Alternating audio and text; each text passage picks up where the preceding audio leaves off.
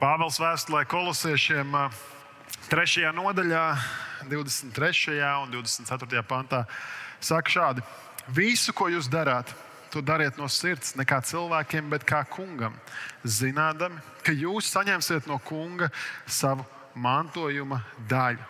Jūs, kunga, jūs esat kunga Kristus kalpi. Tēvs, mēs tev pateicamies par to, ka tu mums esi devis Bībeli, ko varam lasīt, pārdomāt un par visam mācīties, ko tas nozīmē pielietot to dzīvē. Kungs, Jēzu, mēs lūdzam, ka tu mums dod savu spēku, lai mēs spējam šādi dzīvot. Ka it visās lietās, ik katrā darbā, ko mēs darām, ka mēs spējam to darīt kā tev par godu, nevis skatoties uz cilvēkiem. Jēzu, sētī šo nākamo pusstundu pārdomās runāts ar savu svēto garu uz mums, lai Tavs gars mums uzrāda to, kas ir jāmaina mūsu sirdī, kas mums jāmaina mūsu dzīvē, lai mēs varētu būt par labiem lieciniekiem šajā pasaulē. Tavā vārdā to lūdzu. Āmen. Sēdiet, lūdzu. Šodien svētdienai virsrakstu esmu izraudzījies. Tavs darbs, tava ietekme. Un mēs jau astoņas nedēļas Nākamnedēļ ir noslēdzošā nedēļa, kad mēs esam šajā kursā tuvāk. Astoņas nedēļas esam domājuši par to, kā būt tuvāk. Kā būt tuvāk dievam, kā būt tuvāk cilvēkiem un kā būt tuvāk pasaulē. Mēs domājām par to, kā labāk eh, pazīt dievu Jo tieši Dieva pazīšanā ir meklējama atbilde uz nākamajiem jautājumiem, kā mēs varam labāk mīlēt cilvēkus un ietekmēt pasauli. Mēs domājam par to, eh, kā izdzīvot šo atjaunoto patieso identitāti, ko mēs varam atrast tikai eh, esot eh, attiecībās ar Dievu.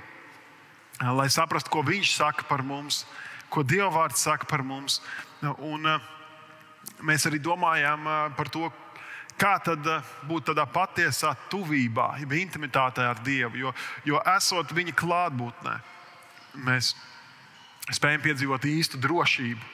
Lai vairs netēlotu sabiedrības priekšā, netēlotu citu cilvēku priekšā, bet dzīvotu saskaņā ar to, kā radītājs mūs ir eh, veidojis, kā viņš mūs ir saucis vārdā. Un, eh, un tad mēs domājām arī par uh, integritāti, par autentiskumu, kā izdzīvot to, kas mēs esam, kā izdzīvot savu ticību šajā laikā, šajā pasaulē. Un, uh, un tikai tādā veidā mēs spējam mīlēt cilvēkus, ja mēs esam iepazinuši Dievu. Un, uh, Un, lai mīlētu cilvēks, mums jāierauga, jāierauga kādas vajadzības, kādas rūpes, sāpes pasaulē. Un, uh, un mums ir ne tikai tas jāierauga, mums ir jābūt aktīviem līdzjūtībā. Mums ir jābūt tiem, kuri meklē risinājumus un uh, mēģina palīdzēt cilvēkiem. Mēs domājām par to, kā iepazīt uh, sevi, lai nevis vienkārši haotiski skriet uz visām pusēm, bet saprotot, kādu Dievs katru mūsu unikāli ir radījis un kādu aicinājumu devis, kā to varam piepildīt šeit un kā būt radikāli dāsniem, kā sveitīt, kā dzīvot nevis tikai sev, bet eh, arī lai būtu par eh, stiprinājumu svētību citiem cilvēkiem. Un tad aizvadītā nedēļā mēs sākām domāt par šo pasaules tvērumu, pasaules uzskatu, kā mēs redzam šo laiku, šo vietu, sevi tajā. Vai mēs redzam tikai to ļaunu un grēcīgu, vai mēs ieraugam arī Dieva sirdi, tā, kā Viņš vēlās to mainīt, kā Viņš vēlās to ietekmēt. Un tad šodien mēs domājam, kā to praktiski darīt. Kā tad varam mēs ietekmēt šo pasauli? Vai mums tas ir jādara? Un mēs to varam darīt, ja mūsu dzīvē Kristus ir viss centrā. Ja mūsu pasaules uzskata eh, tā tvēruma centrā, mēs ieraugām, ka Kristus ir atbilde, ka Kristus ir risinājums pasaules problēmām, sāpēm, grēka problēmai. Un mēs tam no sirds ticam. Un, ja Kristus ir mūsu dzīves centrā, mūsu uh, pasaules redzējuma centrā, tad tas nozīmē, ka viņš ir arī mūsu darba centrā. Vismaz tā tam būtu jābūt. Un, un tā, tad mēs aizējām pie tādas pirmās domas, ko es vēlos akcentēt un uzsvērt, ka darbs ir svētība, nevis lāsts. Es nezinu, kā jūs, bet es kādreiz, nu, ne jau, protams, strādājot Matejā, bet, bet senāk, kad es nestrādāju baznīcā, man reizēm likās, ka darbs ir kaut kāds kā bezmazliet kā lāsts, kas tev ir jāizdara, jāsagaida tā piekdienas, darba dienas beigas, lai sāktos brīvdienas. Tu strādā, lai atpūstos, tu gaidi atvaļinājumu, tu strādā tikai, lai saņemtu algu, lai parūpētos par sevi un par saviem mīļajiem. Bet, ja mēs skatāmies Bībelē un uzticam, mēģinam to saprast, tad mums jāsaprot, ka darbs nevienā brīdī nav, nav dots kā lāsts. Un mēs varam uzšķirt pašu Bībeles sākumu, radīšanas stāstu, kur Dievs veido šo pasauli, tās visā krāšņumā un skaistumā, ko Viņš ir devis. Un, uh, Un tad, kad viņš rada cilvēku, tad Dievs saka šādi: taisīsim cilvēku pēc mūsu tēla, pēc mūsu līdzības, lai tas valda pār zivīm jūrā un pār putniem. Um, Par putniem debesīs, un par lopiem, un par visu zemi, un par visiem rāpuļiem, kas rāpo pa zemi. Šajā rakstā mēs ieraugām nu, teiktu, trīs lietas uzreiz. Viens ir tas, ka Dievs strādā. Jo viņš ir radījis pasauli, viņš ir uh, iestādījis kokus, izveidojis jūras, okeānus, zvaigznes, galaktikas, šo planētu, kurā mēs dzīvojam. Viņš darbojās, viņš runā un, un, un lietas top. Un viņš veido cilvēku. Tad Dievs visu laiku konstanti strādā. Tad, ja tas būtu, darbs būtu lāsts, tad Dievs radītu lāstu, bet tā nav patiesība. Dievs rada visu lielisku, ļoti labu, uz svētību. Un, eh, kad mēs redzam, kādu Dievs šo cilvēku rada, tad mēs redzam, ka Viņš rada viņu pēc sava tēla, pēc savas līdzības. Mēs esam radīti zināmā mērā līdzīgi Dievam. Katrā cilvēkā, neatkarīgi no tā, vai viņš tic Dievam, vai viņš netic Dievam, vai viņš nezina, kam viņš īsti tic, viņš ir radīts uh, Dieva tēla, pēc Dieva tēla līdzības. Un viena no šīm uh, iezīmēm, kas mūsos ir, ir tā, ka Dievs ir radījis cilvēku uh, strādājošu. Cilvēks, kurš mūždien dirna divānā un skatās televizoru vai telefonu un neko dzīvē nepaveic, viņš nedzīvo saskaņā ar Dieva plānu un Dieva prātu.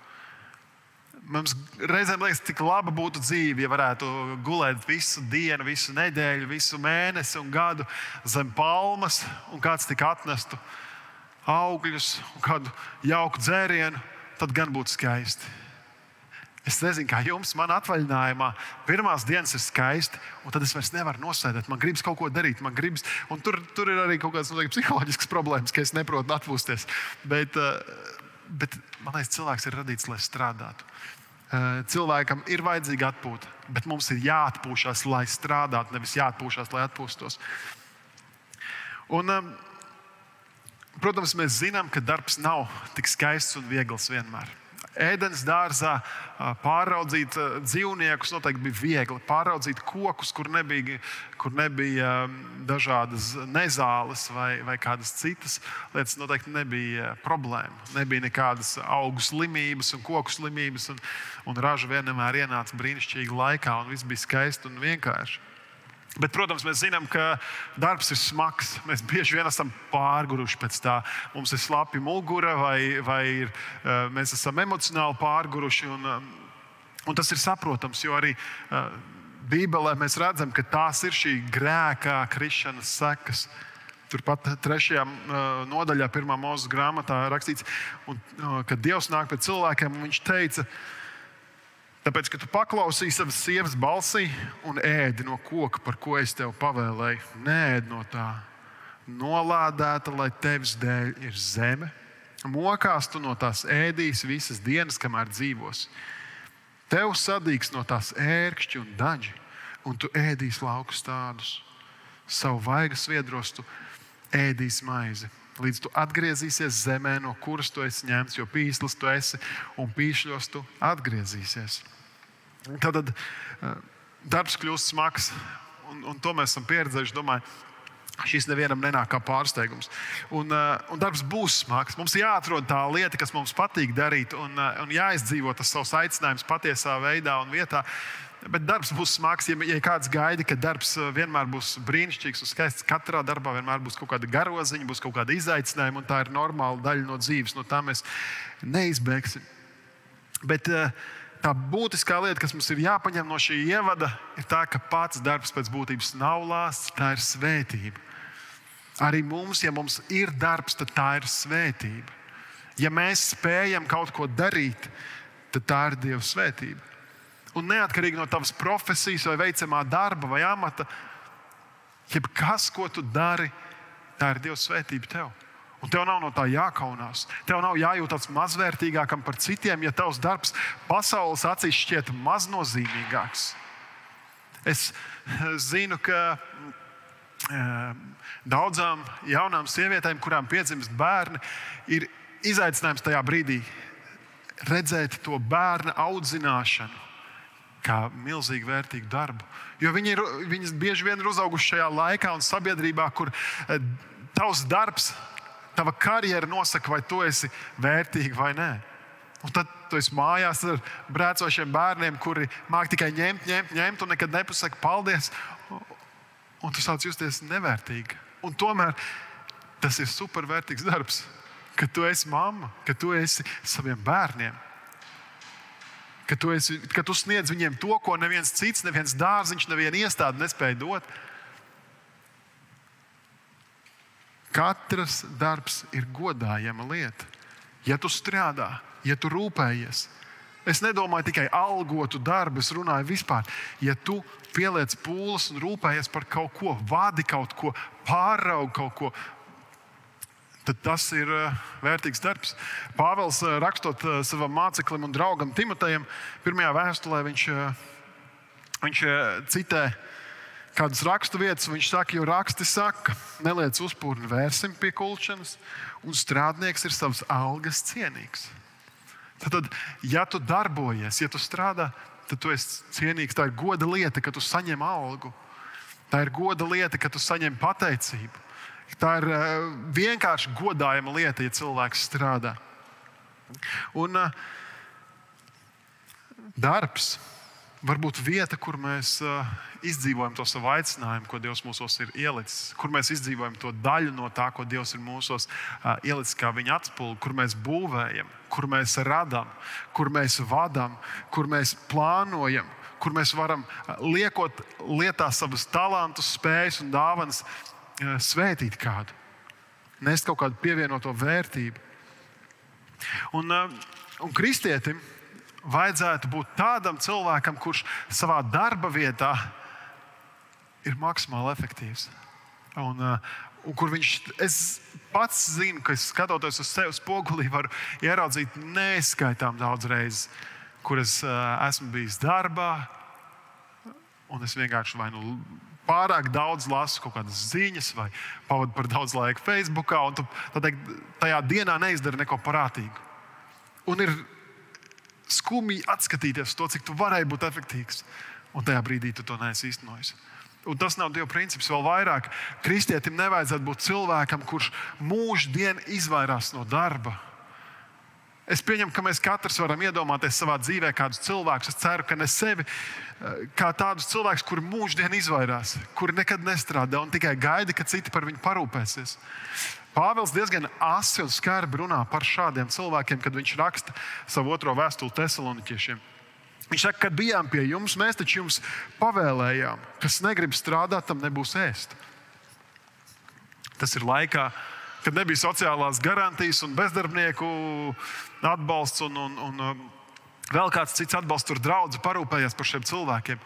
Pāvils saka, nē, nē, šādiem cilvēkiem, ja viņam ir iespēja strādāt, ja viņam ir rokas, kājas, galvas, pleciem un, un vēl spēks muskuļos, tad, ja viņš negrib strādāt, tā ir viņa izvēle. Bet jūs no viņa norobežojaties, viņam nebūs ko ēst.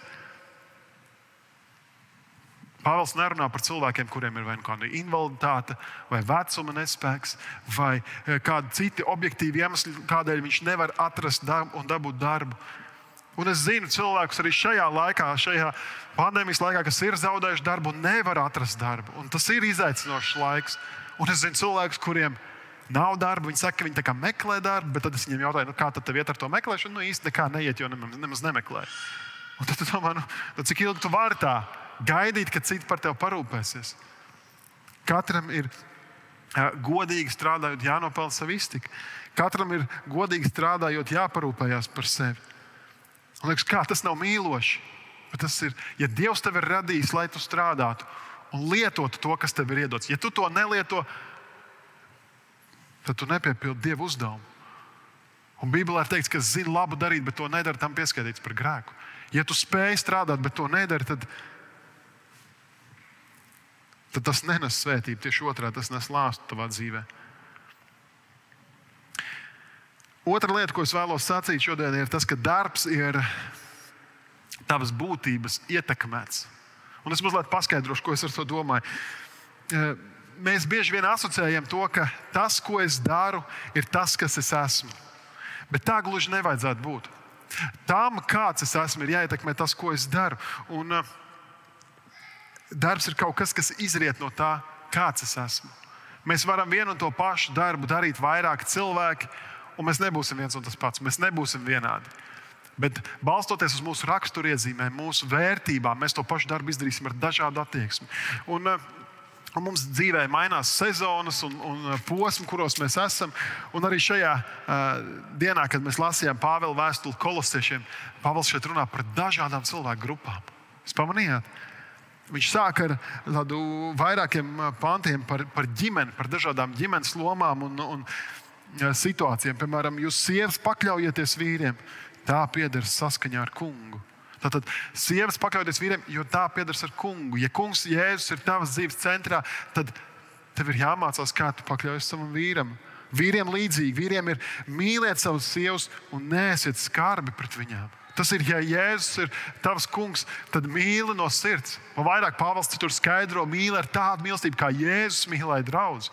Uzupurēdamies, atdodam savu dzīvību bez mazliet, cītīgi rūpēdamies par to. Bērni, esiet paklausīgi saviem vecākiem visās lietās, jo tā, tas ir patīkami un ir pēc kunga prāta. Pirmais bauslis pēc apsoli, ar apsolījumu. Ja bērni paklausa bērniem, ja viņus godā tēvu un māti, tad viņiem labi klāsies. Tēvi, netramdiet savus bērnus, lai tie nekļūst pārāk bikli vai bailīgi. Mēs pat vēl neesam tikuši līdz darba vietām, un mēs jau varam izdzīvot to, kas mēs esam, savu aicinājumu tajā vietā, kur mēs esam, kā sievas, kā vīri, kā bērni. Katrs savā dzīves situācijā. Es ticu, arī vientuļie var izdzīvot savu aicinājumu saskaņā ar to, ko Dievs ir ielicis mūsos. Bet tālāk Pāvils šeit turpina, viņš arī par darba ņēmējiem runā. Viņš saka, kalpi, Esiet paklausīgi visās lietās saviem mīlestīgiem kungiem. Neskat tāpēc, ka izdabājot kādam cilvēkam, bet ar šķīstu sirdi kungu Kristu bijājot. Protams, tajā laikā, kas bija kalps un, un vergs, ir mazliet atšķirīgs nekā šodien. Ir vienkārši darba ņēmējs, un tomēr tā ir vieta, kas runā par mums, kas esam vienkārši darba ņēmēji, kas neesam paši sev kungi visās dzīves lietās. Un mums nav jādomā tikai ko mans priekšnieks pateiks. Man jāskatās vēl augstāk, ko Kristus pateiks. Vai es izpildot savu vienkāršo vai netik vienkāršo darbu, pagodinu viņu. Vai es ar savu dzīvi, ar savu darbu eh, pagodinu viņu. Jo tam, ko Jēzus saka par mani, ir jāietekmē tas, kādā veidā es kaut ko izdaru. Un, un tas pats arī par darba devējiem. Viņš turpina Viņš saka, kungi, izturieties pret saviem kalpiem, kā tas pēc taisnības pienākas. Apzināmies arī par, par jums, ir kungs debesīs. Es pieņemu, ka mēs esam kādreiz redzējuši priekšniekus, kuri teikt, mazliet nelietīgi izmanto savus darbiniekus liek pārāk daudz viņiem strādāt un, un uh, nesamaksā godīgu algu. Es ticu, ka mūsu draudzē nav tāda darba devēja neviens, un, un visi uzņēmēji ir vienmēr labi izturās pret saviem. Bet arī viņš atgādina šiem cilvēkiem, kuri ir uzņēmumu vadītāji, nozaru vadītāji. Viņš saka, atcerieties, arī par tevi ir kungs debesīs. Un tas, ko kungs saka par tevi, tam ir jāietekmē to, kā tu dari. Tas, ko tu dari, nenosaka to, kas tu esi. Bet tas, kas tu esi, nosaka to, kā tu to dari. Tas, ko man, kā, kā Kristus ir man izmainījis, tas ietekmēs to, kā es izdzīvoju savu, savu ticību, eh, savu dzīvi, savu praktisko darbu ikdienu. Un tam arī būtu jāmaina mūsu. Tajā brīdī, ja mēs piedzīvojam Kristus svētā gara pieskārienu mūsu dzīvē, tad tam ir jāsāk veikt kaut kādas izmaiņas mūsu dzīvē, kas ietekmē to, kā mēs darām lietas. Man patīk, kā Pāvils Efeziešiem ļoti spilgti runā par, par zagaļiem. Viņš saka, lai zaglis vairs nezog, bet labāk, lai pūles pats savām rokām darītu labu, lai varētu dot tam, kas ir trūkumā. Tad, un atcerieties, viņš raksta draudzēji, kristiešiem, un viņu vidū ir zagļi. Viņš saka, lai zaglis novērš no šiem darbiem. Tie nav dievam tīkami darbi.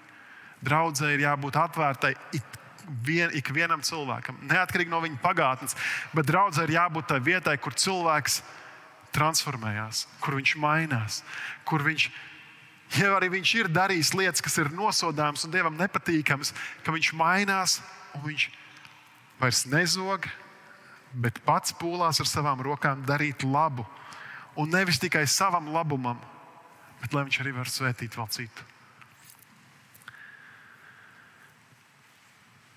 Darbs ir manas būtības ietekmēts. Tas, ko es daru, tas mainās atkarībā no tā, kas es esmu. Un mums jāapzinās trešā lieta, ko es šodien vēlos teikt, ir tā, ka tavs darbs ir tava ietekmes zona. Darbs ir tavs ietekmes zona. Un, un līdzīgi kā ģimenē, mēs nevaram noslēpt ilgtermiņā to, kāda mēs esam. Mēs uh, varam izlikties labāk nekā mēs esam, kad mēs esam iemīlējušies un ejam tikai uz randiņu ar sevi iemīļoto. Bet uh, jo ilgāk mēs esam kopā, jo mēs ieraugam, kāda mēs esam. Un bieži vien mūsu ģimene dabūja iekšā par to, ko viņi nemaz nav pelnījuši, jo mēs izgāžam visu negāciju, ko esam atnesuši no darba uz saviem mīļajiem. Tā tam nebūtu jābūt. Bet tavi mīļie, tavu ģimene bieži vien redz labāk, kas tu esi. Bet arī tavā darbā cilvēki redz, kāds tu esi. Neatkarīgi no tā, ko tu dari, un šobrīd es zinu, ka mēs strādājam no mājām, lielais vairums. Tādēļ mājnieki atkal dubultā dabū iekšā par to, kādi mēs esam. Bet mana darba vieta ir mana ietekmes zona. Un 20. gadsimta sākumā, 19. gadsimta beigās piedzima un uzauga tāds vīrs Vilnius Fetlers, kurš kļuva par baptistu mācītāju šeit Latvijā. Un viņš kalpoja uh, 19. gadsimta beigās un 20. gadsimta sākumā līdz 20. gadsimta vidum, gan šeit, Latvijā, vēlāk Krievijā un Amerikas Savienotās valstīs. Un ir tāda grāmata par viņu biogrāfiju. Un, un viņš uzcēla šeit Latvijā gan pestīšanas templi Rīgā, lielāko baptistu baznīcu, gan arī Daugopilī, Balto baznīcu. Un, un viņš bija diezgan ietekmīgs, harizmātisks līderis. Un, uh, viņš arī devās uz Sanktpēterburgu un Krievijā uzsāka misiju. Tur bija gan, uh, gan pie aristokrātiem kalpoja, gan uh, viņš bija pirmais evaņģēliskais kristietis, kurš uzbūvēja uh, lielu, ar 3000 vietām baznīcu Sanktpēterburgā, evaņģēlīja nams, kur uh, bija vairākas zāles, gan šī ar 3000 vietām, gan ar 600 vietām, gan 400 vietām. Un tur bija nepārtraukti liels atmodas, un cilvēki nāca pie viņa un mainījās. Un kāda fantastiska lieta, kas notika, ka šie cilvēki, kas mainījās, viņi nesa šo ietekmi tālāk savā darba vietās. Un es vēlos nolasīt nelielu fragment no šīs grāmatas, kur ir eh, šādi vārdi. Daudz runāja arī par to, ka Fetlera jaunatgrieztie ir kļuvuši par godīgiem, centīgiem, taupīgiem strādniekiem kas bija jaunums pilsētā, kurā kukuļošana un zakšana bija ikdienas lietas. Aristokrāti sāka lūgties Fetleram, lai sūta viņiem baptistu pavārus, istabenes, kučierus un citus strādniekus. Fetlers teica saviem ļaudīm: brāļi, ejiet un vadiet pajūgus, māsas, ejiet un gatavojiet labāko ēdienu, kādu vien varat, un lieciniet par savu kungu. Visā savas dzīves laikā Fetlers uzstāja, ka viņa jaunatgrieztie paši lai viņi jaunatgrieztie paši kļūtu par pestīšanas vēstnešiem. Man liekas, tik skaisti un fantastiski, kā cilvēki, kad viņi piedzīvo evaņģēlīju, Kristus spēku, svētā gara spēka pārmaiņas savā dzīvē, viņi nes šīs pārmaiņas ikvienā vietā, kur viņi ir bijuši. Kur viņi novēršas no kādiem tumsas darbiem, ka viņi kļūst cītīgāki, ka viņi kļūst strādīgāki, Dievs no mums nesagaida, kad mēs kļūstot par kristiešiem, norobežojamies no sabiedrības, uzbūvējam klosteru un dzīvojam tajā, vai ejam tuksnesī, kā tūkstoši tēvi. Dievs no mums sagaida, ka mēs esam šeit, Rīgā, Latvijā, tik vienā vietā, kur mēs esam, lai mēs būtu par gaismu, par cerību, par svētību. Mēs jau lasījām šos vārdus, ko Pāvils raksta kolosiešiem. Viņš saka, visu, ko jūs darāt, to dariet no sirds, ne kā cilvēkam, bet kā kungam, zinādam, ka jūs saņemsiet no kunga savu mantojumu daļu. Jūs esat kunga Kristus kalpi. Es un tu Lai arī kur mēs strādātu, lai arī kāds būtu mans amats, lai arī kāds būtu ikdienas darbi, kas man jāpaveic, vai tas būtu darba vietā, mājās ar ģimeni, mācību iestādē, kalpošanā, brīvajā laikā, esot kāpņu telpā ar saviem kaimiņiem vai ar draugiem, paziņām, lai arī kur mēs būtu. Mēs neesam vienkārši mēs paši, mēs neesam kaut kādi uzņēmumu pārstāvji, darbinieki, mēs esam Kristus kalpi. Viņš sagaida, ka mēs pasaulē pagodināsim viņu, ka mēs nesīsim viņa gaismu, ka mēs nesīsim viņa svētību, ka mēs runāsim par viņu. Iedomājieties, ja mēs rīt dosimies katrs uz savu darbu, uz savu vietu, kur mums ir jābūt, Un mēs nebūsim tādi paši, kā mēs bijām pagājušajā nedēļā, bet mēs atnāksim ar jaunu motivāciju, jo mēs zinām, ka mums ir jāatspoguļo Kristus. Mums ir jāatspoguļo Jēzus, mums ir jāparāda Dieva mīlestība, Dieva rūpes, Viņa dedzība par to, kā Viņš deg par šiem cilvēkiem pasaulē.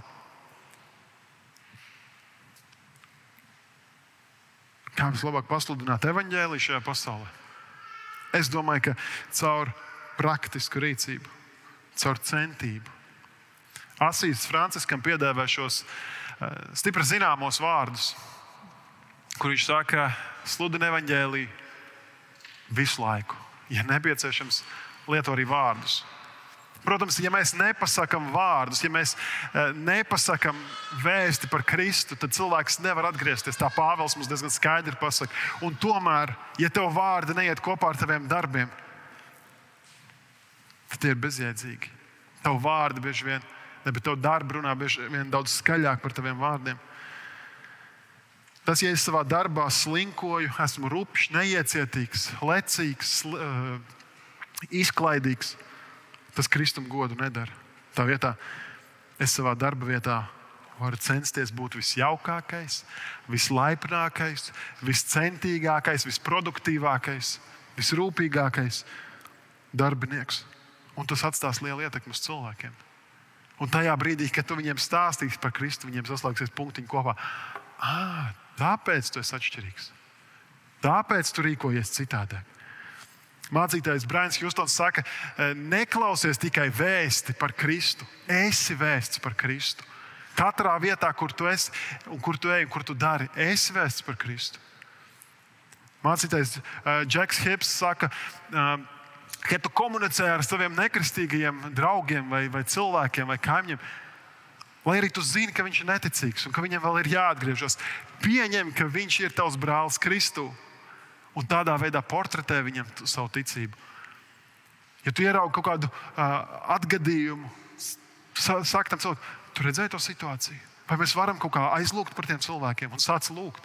Un viņš domās, tu esi jocīgs, un tajā pašā laikā viņš teiks, tu nozīmē kristietis, kuram rūp. Vai arī, ja tur ierauga kaut ko fantastisku, pasaki slavu Dievam. Dod godu Dievam, lai cilvēki apkārt redz, ka tu tici. Es esmu praktizējis kādreiz, ka es veikalā paņemot pirkumus un atvadoties no pārdevēja, saku, nevis lai jums jauka diena, bet lai Dievs jūs svētī. Un es nezinu, kas notiek ar to cilvēku, bet es esmu iedevis viņam savu svētību. Un kāda atšķirība, ko viņš padomā par mani? Bet es esmu gājis un portretējis Kristu tajā mazajā lietiņā, ko es varu. Iedomājieties, ja rīt mēs uz darbu aizjām. Kad 500 cilvēki, kas skatāmies vai tiešraidē, vai klātienē, vai pēc tam ierakstā, mēs ejam uz darbu un sākam portretēt tur Kristu. Darba vietās, mācību iestādēs, ģimenēs, kāpņu telpās, draugu pulciņos. Mēs esam aicināti šajā pasaulē, lai būtu tuvāk Dievam, lai būtu tuvāk cilvēkiem, lai mēs atstātu ietekmi šajā vietā šajā pilsētā, šajā laikā. Būsim kā pozitīvi impulsi, pozitīva vēsts šajā sašķeltajā, drūmajā, tumšajā laikā. Jo vēsts par glābēju Kristu cilvēkiem ir neprātīgi vajadzīga. Un mums ir iedots viss nepieciešamais, lai mēs to varētu izdzīvot. Es aicinu, ka mēs varam zemoties un lūgt. Kungs, Jēzus Kristus, mēs. Uh, nākam tavā priekšā un lūdzam paši par sevi pirmām kārtām. Dod mums spēku paklausīt. Dod mums savu svēto garu, lai mēs spējam aizliegt sevi, savu lepnumu, savu egoismu, savu patmīlību. Lai mēs spējam tevi nolikt augstāk par sevi, lai mēs spējam citu vajadzību ielikt augstāk par savējo. Kungs palīdz mums portretēt tevi ikvienā vietā, kur mēs ejam. Kungs, Jēzu, palīdz mums būt par tiem, kur ietekmē un maina šo laiku kur ietekmē un maina šo pilsētu, kur ietekmē un maina savu ģimeni. Rādot tevi, jo tu esi glābējs, tu esi kungs, kurš maina, tu esi tas, kurš dod savu svēto garu. Tavā vārdā to lūdzam. Āmen!